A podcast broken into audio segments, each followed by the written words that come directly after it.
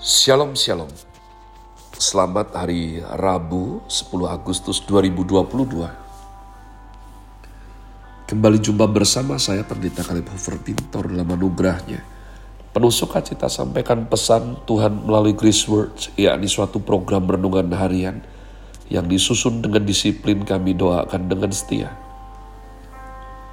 Supaya makin dalam kita beroleh pengertian mengenai iman, pengharapan, dan kasih yang terkandung dalam Kristus Yesus.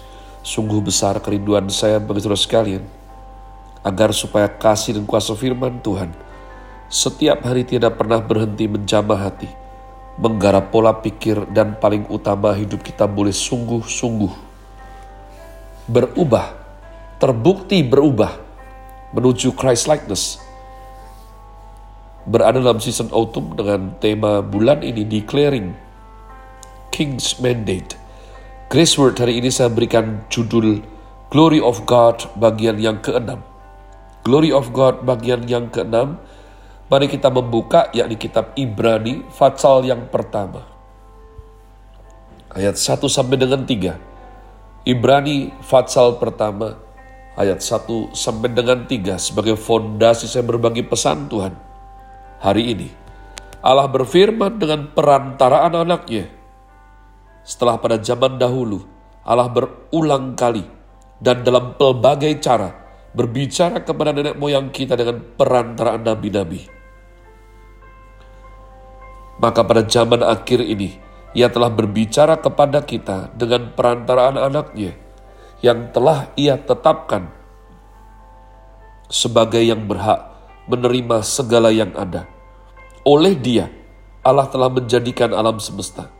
Ia adalah cahaya kemuliaan Allah dan gambar wujud Allah dan menopang segala yang ada dengan firman-Nya yang penuh kekuasaan.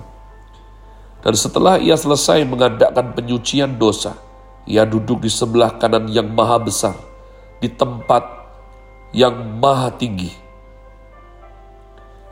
jauh lebih tinggi daripada malaikat-malaikat. Saya selesaikan sekalian perikop ini, Tuhan ya.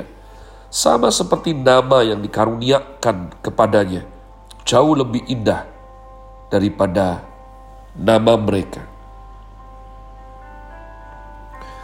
Umat Tuhan saya katakan bahwa Allah menyatakan kemuliaannya pertama-tama melalui inkarnasi Allah yang datang ke dalam dunia manusia, Sang Pencipta masuk ke dalam dunia ciptaannya, roh menjadi daging yang tidak kelihatan, sekarang menjadi kelihatan dari dunia absolut mutlak masuk dalam dunia relatif. From the invincible world he come into visible realm to become a man.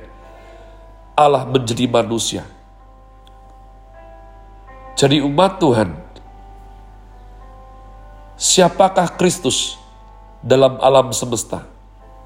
The cosmic Christ, not only the historical Christ, not only the Christ in the church. Kristus jauh lebih besar daripada apa yang kita tahu. Kristus jauh lebih besar daripada apa manusia yang bisa pikirkan seluruh hidup dan iman Kristen yang sejati akan ditetapkan penilaiannya dengan pengertian tentang seberapa besar Kristus. Dan Christ is always bigger than you can imagine. Kristus selalu lebih besar, selalu lebih besar daripada apa yang sanggup kita bayangkan. Kalau kita mengira Kristus sedemikian besar, maka jauh lebih besar dari yang sanggup kamu kira. Di sini kita melihat the biggest possibility of understanding Christ. So, who is Christ Jesus the Lord? Kristus ditetapkan berhak mewarisi sesuatu. Kristus ditetapkan menjadi pencipta segala sesuatu. Kristus ditetapkan menjadi penopang segala sesuatu. Segala sesuatu bersandar kepada Kristus Segala sesuatu diciptakan oleh Kristus, dan segala sesuatu pada akhirnya akan kembali kepada Kristus. Kitab Ibrani 1, 1 sampai 4 ini adalah ayat yang supplementary bila dibandingkan dengan Roma 11 ayat 36. Di mananya di sini adalah Tuhan Allah yang di dalam Kristus. Maka umat Tuhan, perihal ini istilah yang dikemukakan adalah Christ in the cosmic Christ. Kristus adalah Kristus kosmos, Kristus alam semesta, pencipta alam semesta, penopang alam semesta, dan pewaris alam semesta. Perhatikan Roma 11.36. Segala sesuatu adalah dari dia. Segala sesuatu bersandar kepada dia. Dan segala sesuatu selalu akan kembali kepada dia.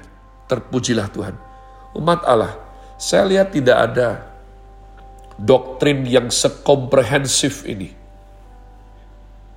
yang sekonsisten ini di keyakinan yang lain.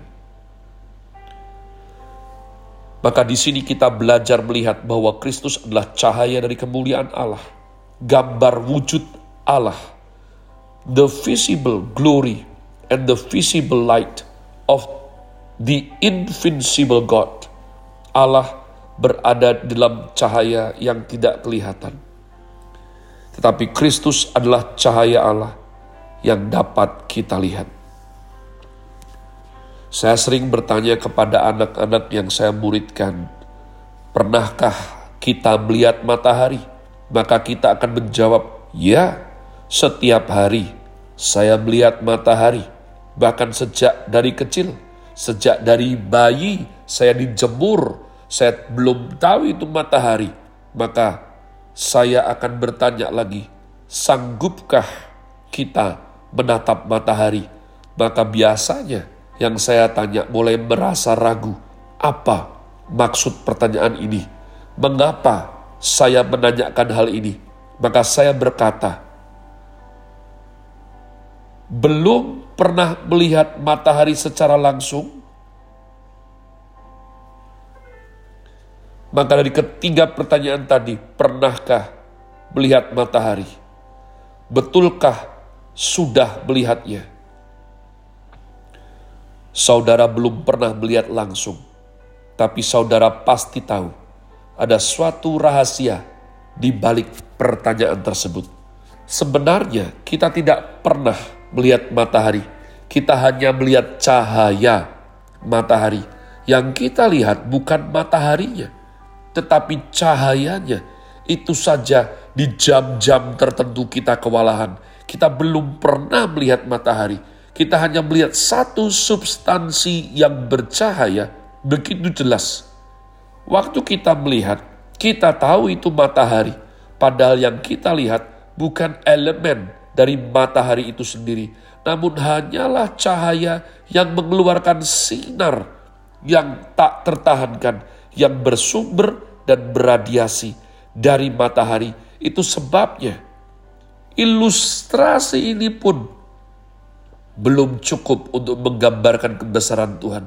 Tapi paling tidak, saya berharap menolong otak kita untuk sedikit memahami apa yang otak kita sulit pahami.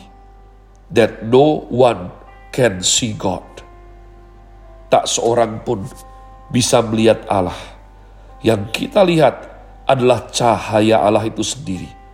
Ayat tadi mengatakan Kristus adalah cahaya kemuliaan Allah dan gambar wujud Allah. Itu sebabnya Tuhan Yesus berkata kepada Filipus, Filipus engkau bertanya di mana Bapa? Engkau melihat aku, engkau melihat Bapa. Umat Tuhan, Inilah yang terjadi pada waktu inkarnasi. Bahwa Allah yang tidak terlihat menyatakan dirinya dalam wujud gambar Kristus Yesus yang merupakan cahaya kemuliaan Allah.